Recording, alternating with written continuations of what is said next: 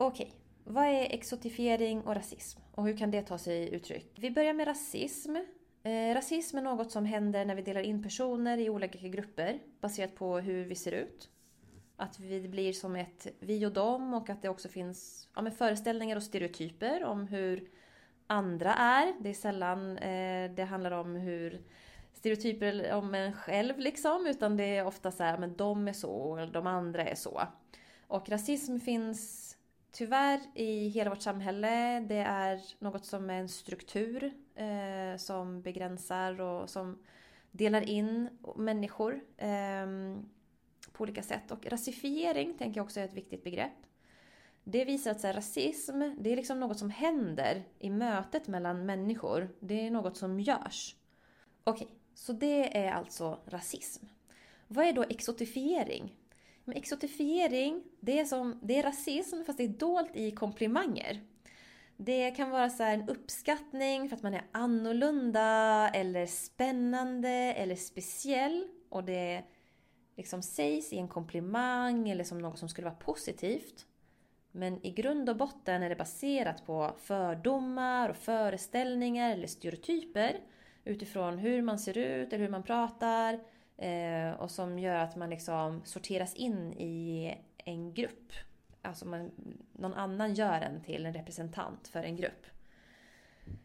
Det kan vara att man liksom får höra så här, ah, men jag gillar, eh, jag gillar eh, någon som dig, eller tänder på någon som dig, eller ni är så här och så här i sängen, eller ja ah, men du är ju snygg eller schysst för att vara eh, det här, eller ja ah, men jag vill ha sex med någon som du för att det är typ på någons bucket list. Inte för att den liksom mig som person utan för att jag ja, men uppfattas vara liksom representant för något. Så det är ja, men exempel på exotifiering.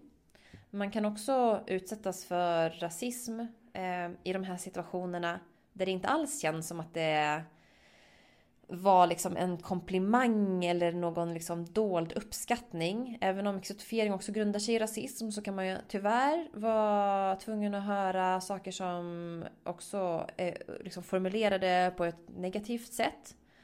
Eh, att man får mycket, att man inte ses som den man är för att man bara får frågor om ens eh, liksom bakgrund eller ens föräldrar eller ens ursprung eller var man kommer ifrån. Eller till och med kanske att man bor i orten. Eller att man blir bortvald för att någon säger nej men du, du är liksom inte något som jag tänder på eller du är inte något för mig. Eller att man förväntas svara på massa intima frågor som handlar om sex eller om ens könsorgan till exempel. Ehm, eller att någon tänker att man inte är intresserad av en för att man ser annorlunda ut eller man tänker att man är mer annorlunda än vad man är. Vi är alla människor. Så det kan vara att man liksom görs till något annorlunda jämt och ständigt och görs till ett dom eh, av andra. Okej, okay, så hur kan man hantera om man blir utsatt för exotifiering eller rasism när det handlar om relationer eller dating eller andra, andra liksom kontexter? Um, det är aldrig ditt fel att någon behandlar dig så här. Tyvärr ligger det på den andra personen. Eh, och det är den som har gjort fel. Och du kan välja själv vad som känns bra för dig. Ehm, det kan, du kan säga ifrån ifall du vill. Och ett bra sätt att inleda det kan vara att fråga så här, nej men hur menar du nu? Jag fattar inte riktigt. Och ibland kan det vara så att den personen själv hör att det är liksom, nej men det här är, det här är liksom, det här låter inte bra. När den försöker förklara vad den menade. Du kan också benämna och kritisera och sen tala om vad du vill. Till exempel, nej men nu känner jag att du fokuserar väldigt mycket på hur jag ser ut eller var jag kommer ifrån. Jag tycker att det känns exotifierande och jag skulle jättegärna vilja prata om andra saker som handlar om mig som person. Jag är mer än det. Till exempel, ja, bla bla. Och om du gör det här och så känner du så här, ah shit det här blir dålig stämning. Ja men det är okej. Okay. Eh, det går över. Eh, du kan byta samtalsämne eller göra någonting annat under tiden och den personen kanske förhoppningsvis fick sig en tankeställare. Och om du känner att det är liksom kommentarer eller sånt som du ständigt behöver bemöta. Om, du vill kan du ju öva hemma eller med en kompis. Jag gick en kurs en gång där vi fick öva på olika saker som folk brukar säga till oss. Och det var ganska skönt att så här, komma på den där ja, men kommentaren eller svaret som man kanske inte kom på i stunden. Man kunde fundera ut det så här. Okej, okay, men skulle jag vilja svara med ett skämt? Eller skulle jag vilja svara med lite så info till den här som uppenbarligen inte har så bra koll på att den så agerar rasistiskt?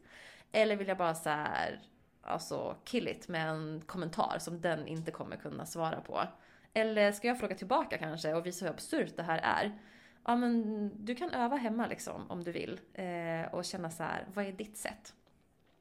Men du har inte heller ansvar för vad andra gör och det kan vara tröttsamt att utsättas för sådana här ständiga grejer.